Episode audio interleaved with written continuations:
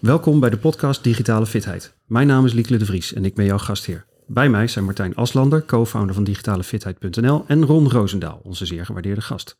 Vind je deze aflevering van de podcast leuk? Like hem dan op zoveel manieren als je kunt bedenken, zodat nog meer mensen de podcast kunnen ontdekken. Uh, Martijn, um, welke pijler past wat jou betreft het beste bij iemand die zich bezighoudt bij met digitale samenleving? Ik, ik, ik neig naar die, pijler 1, digitaal bewustzijn. Snappen dat we in een netwerk- en informatiesamenleving zitten. En dat daar een digitale component is waar je toe moet verhouden. En dat is iets waar veel mensen zich niet voldoende bewust zijn. Uh, en ik denk dat Ron daar uh, meester in is gezien uh, zijn track record en positie. Nou, Ron, jij bent kwartiermaker digitale samenleving en plaatsvervangend directeur-generaal digitalisering. Bij, nou ga ik zelf ook altijd in de war, um, binnen het ministerie voor Binnenlandse Zaken en Koninkrijksrelaties. Sla er een paar laagjes over. Dat is correct. ja. um, um, eerder was je CIO bij het ministerie van Volksgezondheid, Welzijn en Sport. En uh, was je degene die uh, de coronamelder-app en al die ontwikkelingen eromheen uh, er doorheen getrokken heeft zeg ik maar even mijn eigen woorden. Bijzonder staaltje programmeerwerk, zeker voor een overheid waarvan de burger schijnt te denken dat hij uh, een soort van gesloten instituut is en helemaal niks uh, open en transparant uh, wil doen. En dat de ICT-projecten altijd moeten mislukken of te duur of te traag zijn. Coronamelder was wel echt wel een bijzondere ervaring, denk ik. Dus misschien blikken we daar nog op terug. Um, maar om te beginnen wil ik gewoon met jou graag de eerste tien vragen doorgaan die ik met iedere gast doorga. Is ooit een keer bedacht door Bernard Pivot. Ik wil het eerste antwoord en je hoeft het niet uit te leggen. Helemaal goed. Wat is je favoriete woord? Oh jee, dat is echt een ingewikkelde. Ik geloof niet dat ik een favoriet woord heb. Mag dat? Wat is je minst favoriete woord? Ja, dat zit dan wel in de hoek van haat en discriminatie. Waarvan raak je opgewonden? Van uh, mooie nieuwe ideeën die mensen die het moeilijk hebben echt helpen. En wat is voor jou een echte turn-off? Um, mensen die, of gesprekken waarin het alle kanten op gaat die nergens toe leiden. Um, um, dat, nou, dat vooral. Welk geluid vind je geweldig? Ja, het geluid van de, van de regen op een dak. En uh, uh, welk geluid haat je? Ik kan heel slecht tegen uh, schreeuwende mensen die maar haat blijven herhalen. Wat is je favoriete vloekwoord? Dat is echt heel netjes, verdorie. Welk ander beroep dan je eigen beroep zou je nog wel eens willen uitproberen? Ja, ik heb altijd gezegd boswachter. Maar ik denk eerlijk gezegd dat het tegenwoordig ook is, um, kunnen we niet mensen of landen die het moeilijk hebben helpen met digitalisering. Maar dat lijkt heel erg op je eigen huidige beroep, denk ik. Nou, dat is, het, het, het, dat is niet helemaal waar. Want op dit moment is het natuurlijk, ja, Nederland loopt er best voorop, best luxe. Heel veel plekken in de wereld is dat niet zo. Nee. Welk beroep zou je nooit willen hebben? Nou, laat mij niet geen saaie dingen doen waar je alleen maar papier moet doen. Je moet maar geen notaris maken, bijvoorbeeld. Oké, okay. en wat hoop je dat men later over je zegt wanneer je eenmaal niet meer op deze planeet bent? Dan zou ik het fijn vinden als mensen zouden zeggen, hij heeft er wel iets toegevoegd aan hoe wij in de maatschappij omgaan met elkaar. Fijn, welkom Ron Roosendaal. Dankjewel. Hey, vind jij jezelf digitaal fit? Nou, eigenlijk niet, nee. Eigenlijk niet? Nee. Wat kan er zoal beter? Nou ja, kijk, um, um, tweede helft 50. Um, dus per definitie zijn er heel veel twintigers en dertigers die fitter zijn dan ik. En daar moet je ook eerlijk over zijn. Hè. Over twintig jaar behoor ik tot de doelgroep die waarschijnlijk geholpen moet worden met zijn, uh, met zijn belastingaangifte. Um, dus ja, ik vind mij bovengemiddeld fit als ik om mij heen kijk bij leeftijdsgenoten. Maar heel eerlijk, als ik, als ik kijk naar jongeren, denk ik nou, je loopt al heel ver achter papa. Ja, wat, kun je een voorbeeld geven? Nou ja, het gemak waarmee ik informatie verwerk.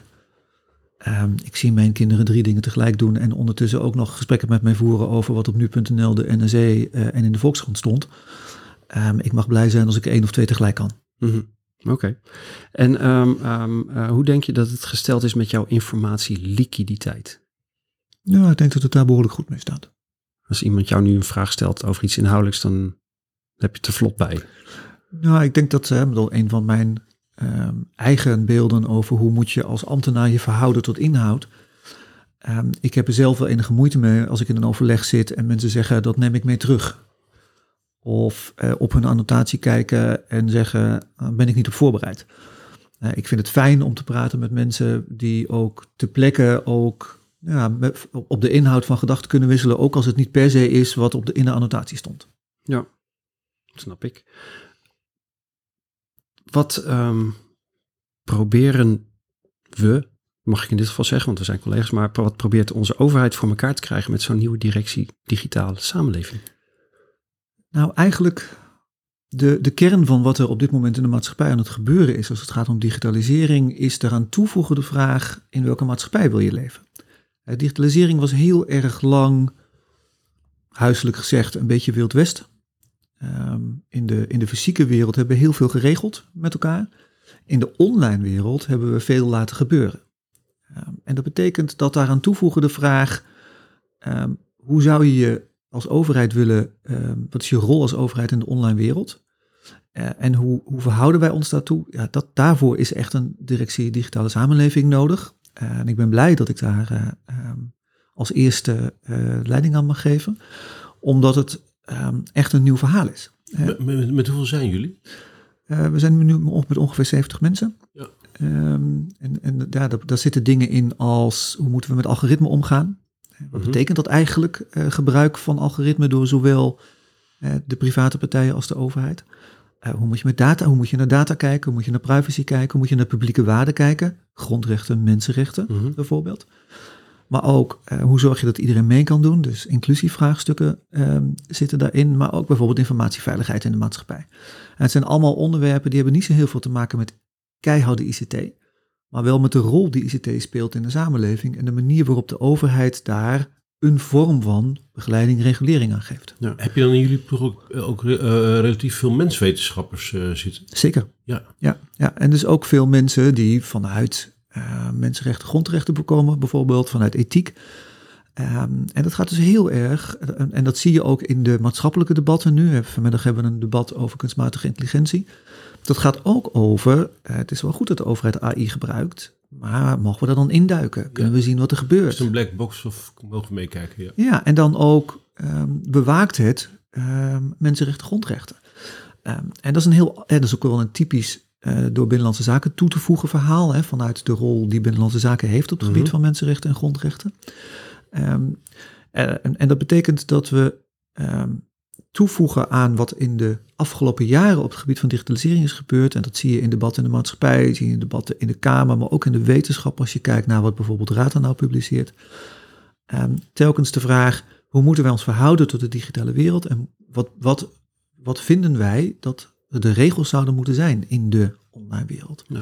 En om een concreet, om eens een voorbeeld te noemen. Wij vinden het allemaal heel normaal dat de politie rondloopt op straat. Um, en als de wijkagent niet gezien wordt, dan zeggen we, hé, hey, waar is de politie?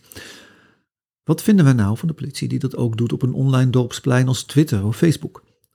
Um, dat is niet, niet heel veel anders dan op straat om je heen kijken. En toch vinden wij dat ingewikkeld als maatschappij. En dan zeggen wij, wacht eens even, is de politie daar ons aan het bespioneren? Hoe zit het met onze privacy? Dus in de offline wereld op straat vinden we, de politie moet om zich heen kijken. Ja. Hè, zijn mensen dingen aan het doen die niet, die niet kunnen? Wat vinden wij daarvan in de online wereld? Nou, dat, dat zijn van dat soort vraagstukken.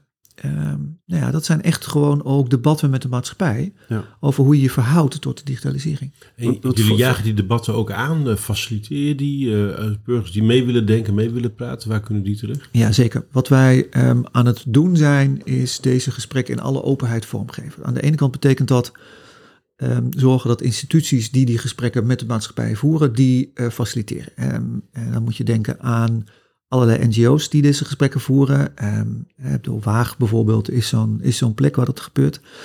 Um, denken aan instituten als Ratenau, die dat, dit soort dialogen ook bij voortduring voeren mm. vanuit een heel onafhankelijke positie terecht.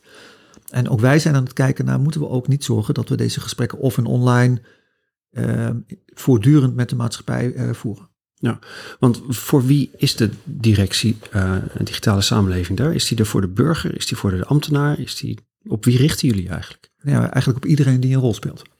Uh, dus we zijn niet overheidsintern in de zin van uh, we werken alleen voor ambtenaren. Dit is juist bedoeld om de agenda uh, voor publieke waarde bij digitalisering te brengen voor de maatschappij.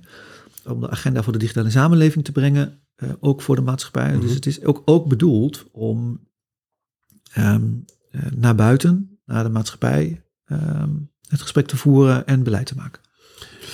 Wat, mij altijd zo fascineert rondom thema's als digitalisering, digitale transformatie, is dat het veelal grote containerbegrippen zijn. waar als je er met wat experts over praat, niet heel veel eenvormigheid en eenduidigheid is over hoe kun je dat nou vastpakken. Hoe, hoe, hoe gaan jullie daarmee om? Het, is een, zijn grote complexe uh, thema's.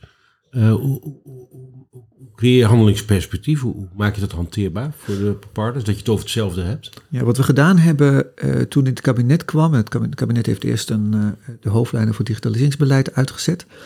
en daarna hebben we met echt de, zowel heel veel mensen in de buitenwereld, experts, burgers, als uh, overheden gewerkt aan de uh, werkagenda uh, waardegedreven digitaliseren. Um, en die, die kantelt eigenlijk de individuele dingen die we doen naar de opgave, de waarom we dat doen. En in die werkagenda staat dus niet centraal overheidswebsites moeten toegankelijk zijn, of mensen moeten rondom levensgebeurtenissen geholpen worden, of er moet altijd ook nog een plek zijn waar je niet digitaal terecht kan. Eh, of machtig en vertegenwoordiger moet zo goed zijn dat jij het voor je vader of moeder kunt doen. Nee, die kantelt dat na. Waarom doen we dat? We doen dat om niemand in de steek te laten. Dus lijn 1 van die werkagenda is zorg dat iedereen kan meedoen. Niemand in de steek laten. En dat is een maatschappelijke opgave. Dat is een waarde. Mhm. Lijn 2 in die werkagenda zegt we moeten zorgen dat de online wereld net zo te vertrouwen is als de offline wereld. Ook de overheid. dus de overheid moet inzage geven in de dingen die ze doet, moet zijn besluiten kunnen uitleggen, uh, maar het moet ook veilig zijn. En lijn 3 zegt, ook in de online wereld moet je nog autonomie hebben. je, moet er, je moet regie kunnen voeren op je eigen digitale leven, zoals je dat ook kunt voeren op je fysieke leven, je offline leven. Dat zijn, daar zitten allemaal dingen onder die we in het verleden als individuele dingen presenteerden, maar die we eigenlijk doen om deze drie grote uh, maatschappelijke doelen uh, naar de, dichterbij te brengen. En, zo, en, en het verhaal dat we dus gebouwd hebben is Zorg dat je niemand in de steek laat, ook als je digitaliseert. Zorg dat je de online wereld kunt vertrouwen. Zorg dat je in die online wereld um, regie en autonomie kunt hebben. Waar we aan toe hebben gevoegd, hey, dat is dan lijn 4. De overheid moet dat wel mogelijk maken en het goede voorbeeld geven. En vijf, dit is allemaal heel mooi praten, maar in het Caribisch deel van het Koninkrijk mag je blij zijn als je internet het doet. Daar hebben we echt nog een been bij te trekken. Dus we hebben een aparte uh, een aparte actielijn voor het Caribisch deel van het Koninkrijk. En zo uitleggend heb je het dus niet meer over dingetjes, maar heb je het over wat wil je dat, dat digitalisering ja, bijdraagt. Je, je praat nergens over specifieke oplossingen of specifieke manieren van het doen. Nee, die zitten eronder. Ja. ja. maar dit gaat over, goh, waartoe eigenlijk? En, en je ziet in dit verhaal dat ja, dat, je, dat je het vooral wil hebben over de waarden van digitalisering en het behouden en bewaken van publieke waarden bij digitalisering. En, en hoe valt dat dan? Want ik kan me voorstellen dat mensen, ja, ja maar dat is een hele complexe vraag. En er zijn een miljoen uh, dingen waar we het dan over moeten hebben en dat schiet niet op. Uh, we hebben nu wat op te lossen. Ja, tegelijkertijd onder deze vijf richtingen zitten vijftien prioriteiten. Mm -hmm. dus zoveel zijn het er niet. Er zit best wel wat onder, hè. we doen wel een boel. Maar dit geeft ook richting en focus. En maakt duidelijk dat we, dat we niet alleen maar de tech-optimist zijn die zeggen: hé, hey, we gaan een heel eh, toffe manier bedenken om, uh, ja, om machtig en vertegenwoordiger mogelijk te maken. Of mogelijk te maken dat jij over je eigen gegevens beschikt, die de overheid van je weet. Nee, dit doen we omdat jij straks nog zelf regie en autonomie kunt hebben. Dit doen we omdat je de uh, digitale wereld kunt vertrouwen. Dit doen we om te zorgen dat we je niet in de steek laten. Nou, en dat is een heel ander digitaliseringsverhaal. Ja. Schakelen we even terug naar jou. Dat doe ik altijd hè, tussendoor. Um, welk apparaat gebruik je het meest? Hoe denk, denk ik dat dat... Um, um, ik denk dat dat mijn telefoon zal zijn. Ja. En ja. welke apps dan het meest? Ik ben, ik ben wel een beetje een news junkie. Dus ik denk dat, ik, eh, dat je tussendoor mij, uh, dat als ik zou kijken, dat het eh, NOS en NRC, Volkskrant en nu.nl zullen zijn. Nou, is dat het laatste jaar ook nog een app op je telefoon bijgekomen van je denkt, ah, die gaat er echt nooit meer af, denk ik? Nou, dat weet ik echt niet zeker. Nee. Nee, je bent volgens mij ook nieuwsgierig. En ja, ik, ik verwijder niet zo heel vaak apps als ik heel eerlijk dat ben. niet, nee. Dus, dus het kan zijn dat... Ik moet eerlijk zeggen dat de, de, laatste telefoon die ik gekocht heb weer meer geheugen had. Want ik dacht, ja, ik ga niet, uh, ga niet wieden, uh, zeg maar. Ja, ja. Er nog meer krant op. Precies dat. Ja.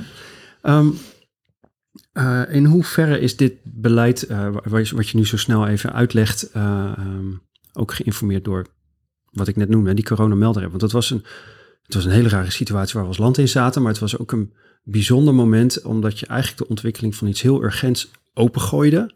Of het werd opengegooid, ik weet niet of dat helemaal jouw eigen beslissing was, maar um, en tegelijkertijd liep natuurlijk een heel groot gesprek over de privacy van die gegevens en waren ook toen al mensen die vonden dat het allemaal misschien überhaupt niet moest, want corona was een heel ander verhaal dan iedereen zei. Nou, dat was een heel complexe wereld. Het gooide open, er kwam heel veel reuring. Heeft dat nog geïnformeerd, uh, heeft dat nog een rol gespeeld in hoe nu die beleidslijnen gemaakt zijn? Ja, niet per se deze lijnen. Maar um, in, de, in de Kamerbrief waarin dit werd aangekondigd, staat dat we het ook op een bepaalde manier gaan doen. Um, hè, want als je wilt dat de samenleving je vertrouwt, dan helpt het als je volledig transparant bent en in alle openheid het gesprek voert.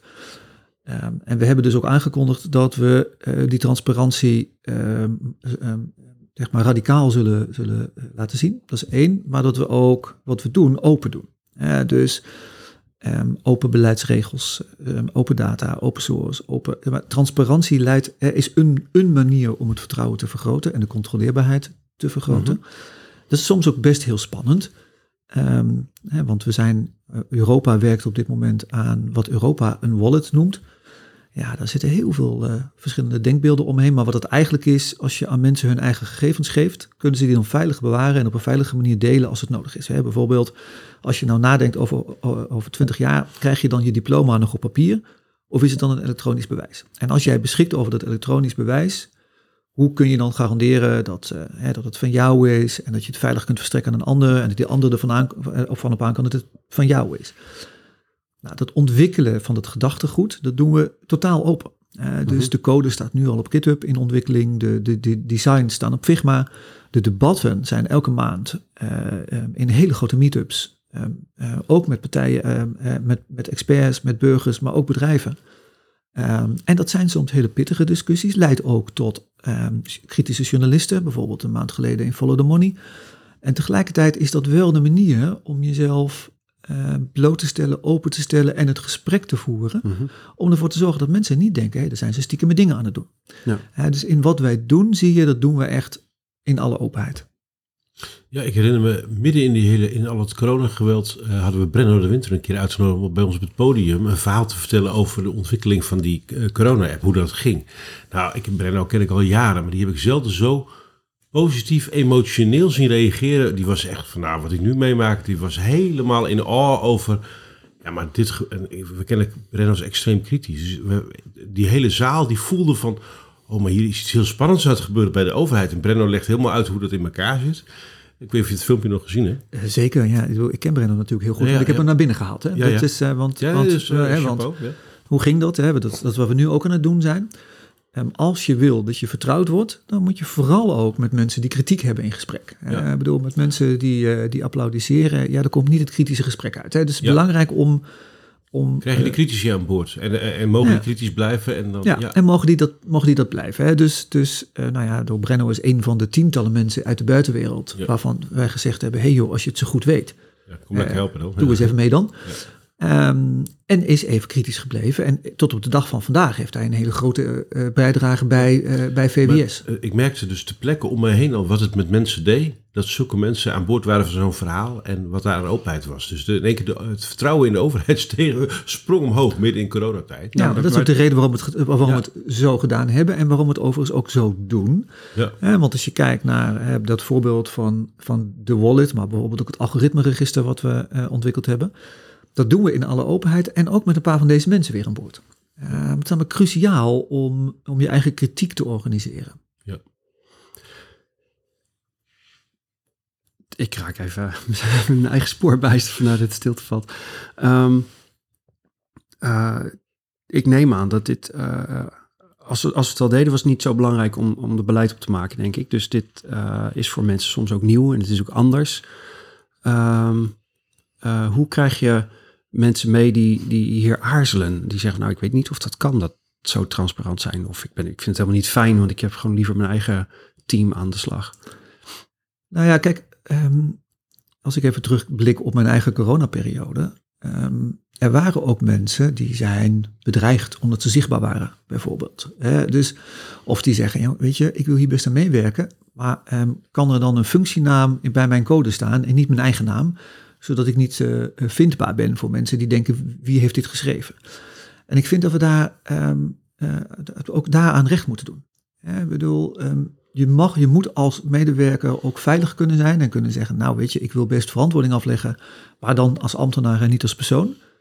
Dus mijn code is zichtbaar, helemaal prima, maar mijn naam hoeft er niet bij te staan of ik hoef niet op het podium. En ik vind dat we dat ook, dat moeten we honoreren, waarderen, ehm, omdat het ook niet niks is om af en toe zo in de storm te staan. Mhm. Ehm, en tegelijkertijd ehm, transparantie in, in wat je aan het doen bent, kun je ook hebben zonder mensen bloot te stellen. Ja, we, we, we nemen dit gesprek op een week nadat twee secretarissen-generaal ook in de krant eigenlijk ditzelfde zeiden. Hè, we moeten zorgen dat ambtenaren hun werk kunnen doen zonder dat ze zich zorgen hoeven maken over hun persoonlijke veiligheid. Dat was een van de dingen die ter sprake kwam. Ja. Ehm, dat Oké, dus je, je, je kunt eh, eh, mensen die mee willen helpen, maar aarzeling hebben, kun je op die manier wat, wat veilige ruimte bieden. Maar zullen ook mensen zeggen, ik vind gewoon geen, het staat me niet aan om met andere mensen te werken, met een gebruiker bij wijze van spreken, die nauwelijks uit zijn woorden kan komen over wat hij wel of niet belangrijk vindt in de ogen van een, eh, een betrokken ambtenaar. Ehm, als je niet gewend bent om transparant te werken, dan denk ik dat het voelt als traag en langzaam en ingewikkeld. Ja, het grappige is, dit kom ik niet tegen. Nee? Ehm, hè, in, de, in de mensen die meedoen omdat ze ehm, met gebruikers het gesprek aangaan bijvoorbeeld, dat zijn mensen die het heerlijk vinden dat het mag en kan. Hè, dat mensen hebben, die hebben service design gestudeerd of die zijn UX'er in, in ehm, vaktaal. Dat zijn mensen die het juist leuk vinden. Kijk, waar, het, waar het soms ingewikkeld is, is durf ik mijn dilemma's te delen. Mhm. In het kader van ehm, nou, de ontwikkeling van de wallet hadden we eh, twee weken geleden een demonstratie. En een van de spannende dingen ehm, hebben we daar gewoon gepresenteerd. En kwam ook in Follow the Money, wat mij betreft terecht. Hè. Dat is, en, en het is voor mensen best ingewikkeld. Hè, wat is hier het voorbeeld? Het voorbeeld is, in zo'n wallet zit bijvoorbeeld je rijbewijs. Nou, hoe, ga je, hoe, hoe toon je nu bij de Albert Heijn aan dat je 18 plus bent? Je laat even je ID-kaart zien. Ja, met Ja, alle dan- informatie die erop staat. Ja. Mm, ja, maar mensen lezen hem, maar kopiëren hem niet. Als je dat nou elektronisch doet, moet je dan ook de pasfoto over de lijn doen, zodat de ander kan controleren op zijn device. Hey, ben jij wie jij bent? Ja. Dan heeft die andere, in, in plaats van te kijken naar een kaart, heeft hij meer gegevens van je. Willen we dat eigenlijk wel? Ja. Ehm, en dit is zo'n, dan zeggen de designers noemen dat use case, zo'n voorbeeld van gebruik, waarvan wij zeiden, ga maar gewoon vertellen hoe ingewikkeld we dit vinden. Ja. Eh, dus ga maar gewoon daar laten zien. Hè. Dus we hebben het gewoon uitgespeeld met de staatssecretaris aan tafel. Van dit zou er dan gebeuren. En hebben ook gezegd, we weten niet zeker of je dit wel maatschappelijk zou moeten willen. Dat deze informatie gedeeld wordt. En dat dus dit voorbeeld ook werkelijkheid wordt. Ehm, dat, is, dat vinden sommige mensen heel spannend. Hè? Want het is best spannend om te voelen, ik mag mijn onzekerheid delen als ik er nog niet uit ben. En wat we daar, daarom hebben we intern ook met de betrokken bewindspersoon, dus de staatssecretaris, met de SG en de medewerkers het gesprek gevoerd. Jij wordt gedekt door ons op het moment dat je je onzekerheid uit. Dus als iemand zegt, wie heeft nou dit bedacht om te overwegen? Dan zeggen we, wij juist om open en transparant te zijn en het gesprek te voeren. Ja. Ik kan me voorstellen, eh, want natuurlijk hele discussies over de nieuwe bestuurscultuur en dat soort zaken, dat op andere plekken mensen daar echt naar kijken van, god, dat is echt heel anders dan dat we kennen. Hoe vaak doen eh, andere departementen een beroep op, eh, op jullie nieuwe inzichten en eh, werkwijze? Ik kan me voorstellen dat ze af en toe denken, wacht eens even, waarom doen wij dat niet? Dus moet je vaak de boer op om uit te leggen hoe je daarmee kan werken op die manier? Ja, het interessante is, ehm, als je kijkt naar de open source beweging, nou, die komt voort uit nou, de motie Vendrik 2002. Dat doen we al twintig jaar. Mhm. En tegelijkertijd blijft dat spannend. Hè? Dus aan de ene kant zie ik echt plekken waar nu mensen denken, hé hey, wacht, we durven hier een stap te zetten, we gaan dit doen. Aan de andere kant, dit is ook echt cultuurverandering. Eh, dus dat duurt even. Ja. Ehm, ik zie echt wel eh, hele mooie plekken waarop het nu begint te gebeuren. Maar dit vergt, dit vergt nog even om het echt te doen beklijven en in, in de DNA te krijgen. Mijn vraag was, hoe vaak moet je de boer op bij, bij eh, andere En, departementen? ja, het antwoord is, het gebeurt. ja. Hè? We worden echt bevraagd, maar het is een beweging. eh, En een beweging die nog wel even duurt. Ja.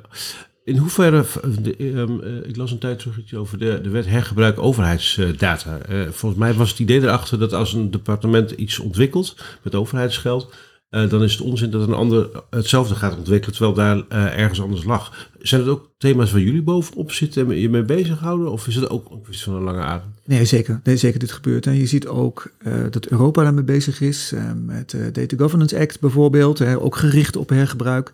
Ehm, dus, dus dit is echt wel een beweging die, die, die bezig is. En daar, daar nou ja, de wet open overheid werkte aan mee, maar de, de wet hergebruik overheidsinformatie ook. En bijvoorbeeld ook dus de DGA die ik net noemde. Eh, jullie zijn nu met 70. Eh, red je dat? Of moet je eigenlijk eh, naar twee, drie keer zo groot? Of, is er iets over te zeggen? Hoe, hoe zie je die ontwikkeling komende paar jaar? Nou, het is wel heel erg koffiedik kijken. Kijk, wat ik nu zie gebeuren is dat op sommige onderwerpen we ehm, echt nog een been bij hebben te zetten. En dat zijn die onderwerpen die maatschappelijk in de afgelopen twaalf maanden heel groot zijn geworden. Ehm, publieke waarde bijvoorbeeld. Mhm. Als je kijkt naar nou, bijvoorbeeld kinderrechten. Kinderrechten online. Dat was eigenlijk twee jaar geleden eh, nauwelijks een gesprek. En nu hebben we bij voortduring terecht, wat mij betreft, het gesprek. Wat vinden wij nou eigenlijk van die grote platforms bijvoorbeeld? Zoals TikTok bijvoorbeeld, dat je denkt... Om er eens wat te noemen. Ja, Ja.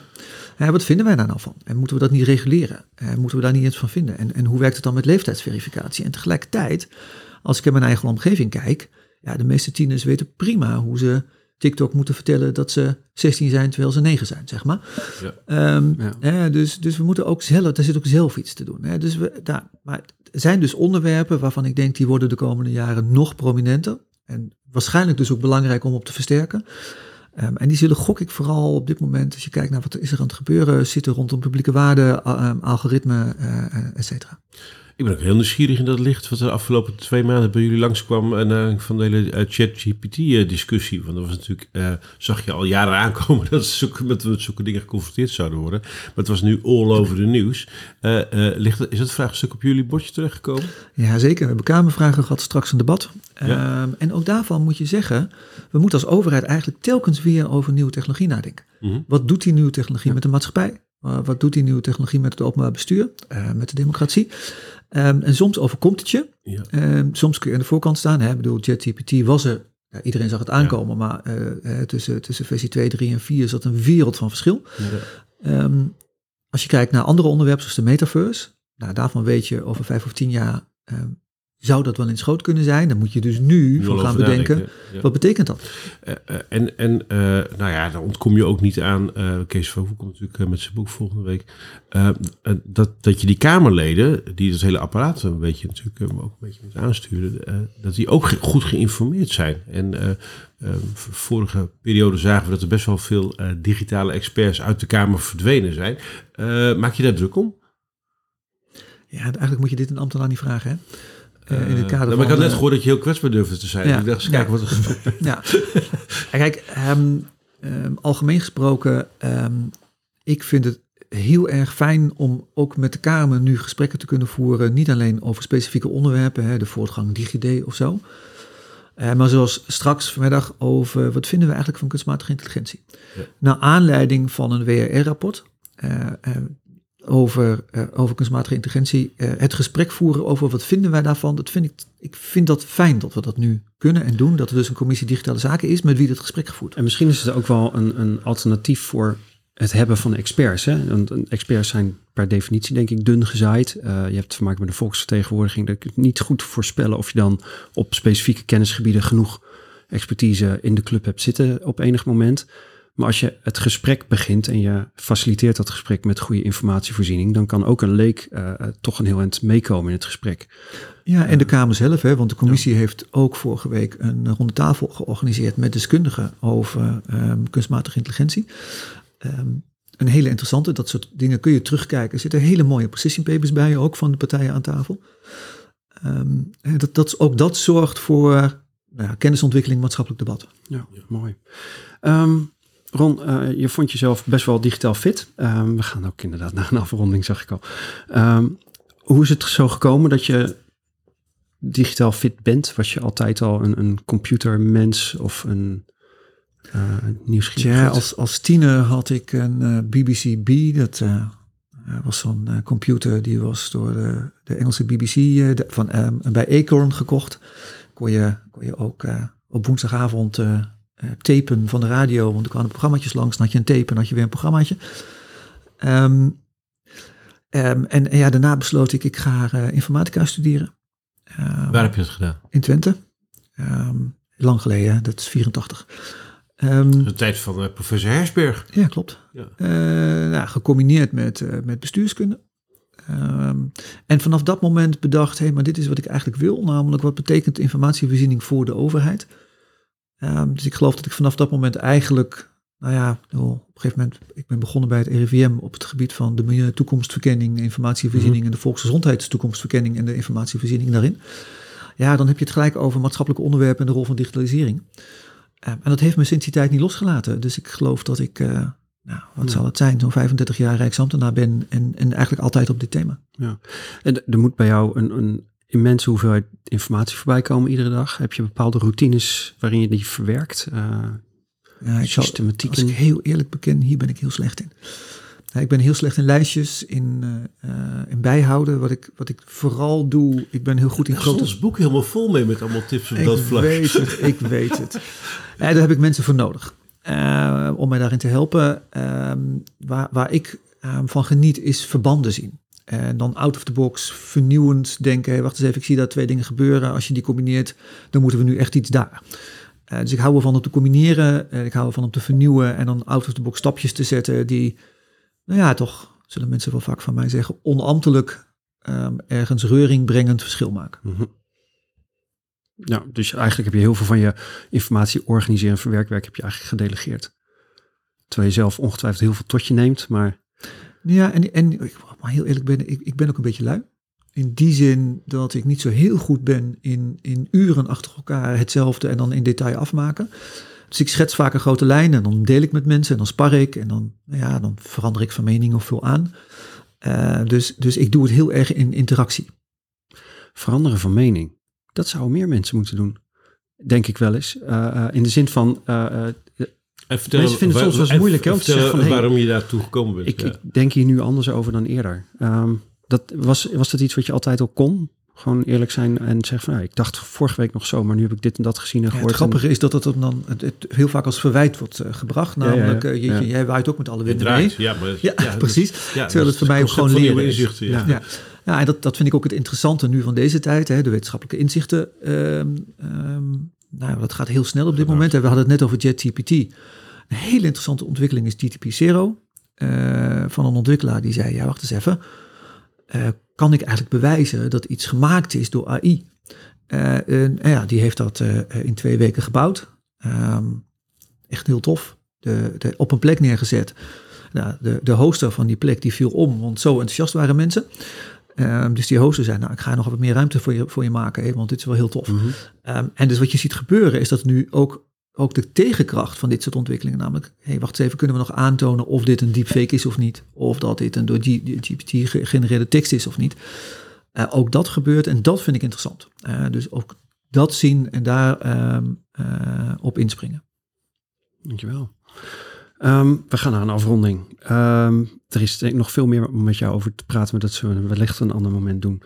Uh, ik bedank de sponsor voor deze die deze podcast mogelijk maakt. Dat is de Rijksacademie voor Digitalisering en Informatisering Overheid, waar ik zelf ook werk. Als er show notes uh, gemaakt worden, dan vind je die straks terug op bit.ly slash show notes digitale fitheid podcast. Vind je deze aflevering van de podcast leuk? Like hem dan op zoveel manieren als je kunt bedenken, zodat nog meer mensen de podcast kunnen ontdekken. Dit was de podcast Digitale Fitheid met Martijn Aslander en jouw gastheer Liekle de Vries. Onze speciale gast was vandaag Ron Roosendaal. Bedankt voor het luisteren en kijk ook eens op digitalefitheid.nl of volg ons op Twitter, Digitale Fitheid.